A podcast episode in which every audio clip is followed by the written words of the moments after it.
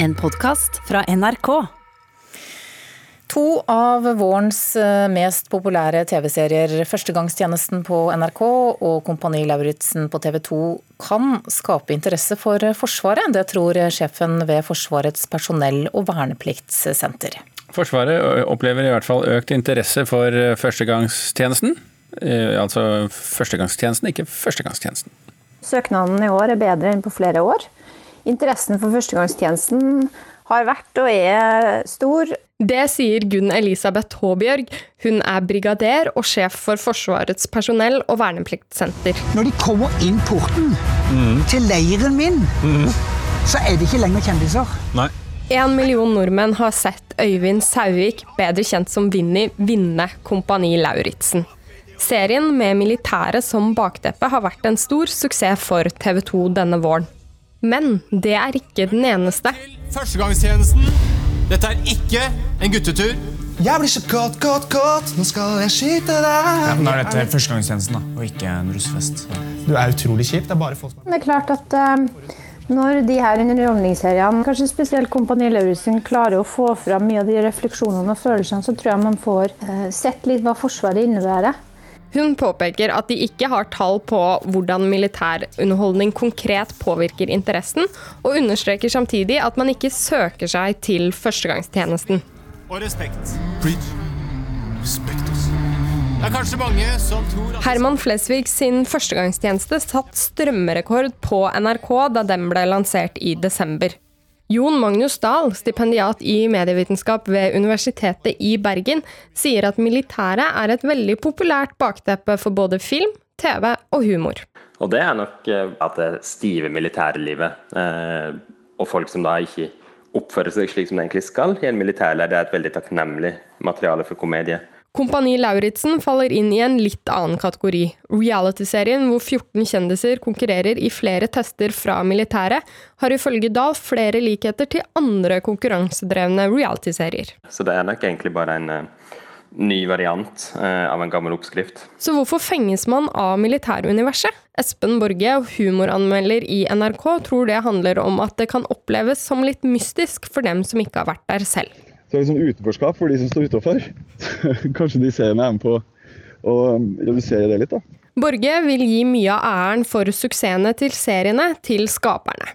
I førstegangstjenesten trekker han frem karakterene til Flesvig. Typer og parodier på typer, det er noe som folk liker. Dahl tror grunnen til suksessen også kan handle om kvaliteten på seriene. Litt ja, gamle, kjente oppskrifter som får en ny twist, som også er prega av kvalitet, da, på, litt ulike, på to ulike måter. Rekrutter! Er dere klare til å gi alt? Reporter i denne saken, det var Maiken Svendsen. Og med oss nå Dag Otto Lauritzen, programleder i Kompani Lauritzen. God morgen. God morgen. For de som ikke har sett dette programmet, fortell kort først hva det går ut på. Ja, altså Det det går ut på, det er det at uh, vi har uh, valgt ut 14 mer eller mindre kjente folk fra Norge. Uh, faktisk bare én av de har vært i militæret tidligere. Og de skal inn til ja, rekruttskole og videre utdannelse for å bli den beste versjonen av seg sjøl. Ikke for å bli soldater, men vi har brukt uh, militæret som en bakgrunnsplass. Uh, fordi at de har mye av det som uh, vi ser etter. Vinni sa det veldig godt, han som etter hvert vant Kompani Lauritzen. Han sa det er ganske utrolig å se at de som trener på krig, er faktisk de beste på omsorg. Og det er liksom noe av nøkkelen i militæret, at du skal ikke tenke på deg sjøl først og fremst. Du skal tenke på laget, og du skal gjøre det beste for at laget skal gjøre det best mulig. Og det har vi klart å få fram i serien, tror jeg. Mm, så ser du underveis i serien at disse deltakerne blir utsatt for en hel masse prøvelser, både fysisk og psykisk. Har du hatt noen betenkeligheter med å bruke Forsvaret som ramme for en realityserie? Nei, altså, Jeg har jo god erfaring fra Forsvaret tidligere. Jeg var fallskjermjeger, men det er helt tilbake på midten av 70-tallet. Men det på en måte forma meg som person. Eh, jeg ser tilbake på det som kanskje noe av det viktigste jeg har hatt i oppveksten. Hvor jeg ble kjent med meg sjøl og, og, lærte mye av de prinsippene i militæret, hvor viktig det var. Og har seinere brukt det mye på Christian Ødegaard når vi har reist på tur rundt i verden, og, og gjestene. og det var sånn ideen kom fram, at jeg og Kristian hadde lyst til å gjøre dette i et større format. og det er klart, Jeg og Kristian har jo empati, og vi syns jo av og til synd på deltakerne. Men det at du mestrer ting som du i utgangspunktet ikke tror du klarer, gjør deg litt sterkere. Og øh, jeg har alltid sagt at uh, hvis du tror du er i kjelleren, så er du ikke mer enn halvveis ned trappa. Og vi har på en måte klart å trigge noe som gjør at alle de 14 som var inne, de har faktisk uh, prestert langt over evne. Og jeg tror jeg med handa på hjertet kan si at alle de som var inne, føler de har fått med seg noe godt som de har bruk for seinere i livet. Hva tror du er grunnen til at dette har engasjert så mange seere? Ja, altså jeg tror eh, Det er egentlig veldig mange realityshow, og jeg hørte det ble nevnt i innledningen her at uh, dette er liksom bare en uh, kopi av tidligere realityshow. Jeg føler ikke det er det. for her er det sånn at Vi satser egentlig på å få fram det beste i folk. Ikke sånn at det skal være intriger og at folk skal prøve å skaffe seg fordeler på vegne av andre. og mot andre. Så jeg føler det er litt annerledes realityshow, og det ekte vare. Altså, ingenting er regissert blant deltakerne. De har ikke fått beskjed om å reagere på forskjellige måter. De har vist med sine følelser hvordan de har reagert i mange situasjoner, og de har tort å åpne seg, grine litt, bli trøsta. Uh, kjefta og smelt og har holdt på å sprekke og bryte, men de har kommet seg og kjempa seg videre og er veldig stolte i ettertid. Har du selv fått et nytt eh, forhold til Forsvaret etter innspillingen av denne serien? Altså, Jeg har alltid hatt et godt forhold til Forsvaret. Jeg holdt faktisk på å verve meg når jeg var ferdig som falskmeger, men så valgte jeg politiet isteden, og etter hvert uh, noe helt annet, uh, sykkel. Men jeg har et godt forhold, og jeg tror det forholdet er styrka gjennom den serien. og vi har fått utrolig god respons faktisk fra helt opp i toppen i Forsvaret, med at de syns at dette er en bra serie som eh, de tror er en god reklame for Forsvaret. og De syns det er veldig moro.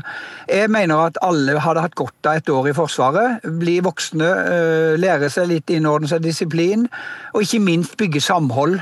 Det å bry seg om hverandre, eh, hjelpe hverandre, og sammen er de sterkere. Ok, Dag Otto Lauritzen, programleder for Kompani Lauritzen, takk for at du var med her i Nyhetsmorgen. En av de tingene mange gjør for tiden når de skal orientere seg om hvordan vi forholder oss til koronakrisen. Det er bl.a. som dere gjør, dere som hører på oss. Dere eh, følger med på mediene, leser aviser, hører på Nyhetsmorgen. Eh, mange vil også eh, parallelt diskutere på sosiale medier, som f.eks. Twitter. Spørsmålet som stilles nå er da hvem diskuterer du egentlig med der? Er det garantert at det er ekte mennesker du diskuterer med? Kulturreporter Thomas Halvardstein Ove, klargjør, er det snill. Ja, for det er ikke alltid ekte mennesker du diskuterer med. Eh, dette handler om såkalte bots, datamaskiner som sprer falske nyheter og konspirasjonsteorier. Slett ikke nytt at dette skjer, men det spesielle nå er at omfanget er et ganske annet når det gjelder koronarelaterte temaer enn tidligere. Disse automatiske debattantene, hvis vi kan kalle dem det, de pusher ut meldinger i et voldsomt tempo, og det blir verre av at de da kopierer meldinger fra hverandre. Men hvor mye, hvor mye robotaktivitet er det, da? Det er Aftenposten som forteller om funnene som forskere ved Carnegie Mellon University i Pennsylvania i USA har gjort. De har gått gjennom mer enn 200 millioner Twitter-meldinger siden koronaviruset begynte å spre seg i eh, januar.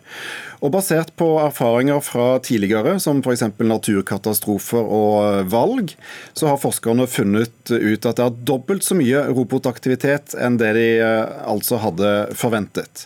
Og Videre så har de sett på hvem som står bak de 1000 kontoene som sender ut flest Twitter-meldinger om korona. Av disse er 62% falske kontoer. Men, men har det noen funksjon? Altså Får det noen konsekvenser i det hele tatt? Det kan det få. I USA så har det allerede vært flere demonstrasjoner mot det noen mener er for strenge smitteverntiltak. Mange plukker opp informasjon nettopp fra sosiale medier før de tar til gatene. Og når også flertallet av Twitter-kontoene i debatten om gjenåpning av USA, av USA er roboter, så er det lett å se for seg at en del får feil informasjon som de da begrunner sine meninger med. Men, men dette kan jo umulig være god reklame for Twitter, så hva, så hva sier de?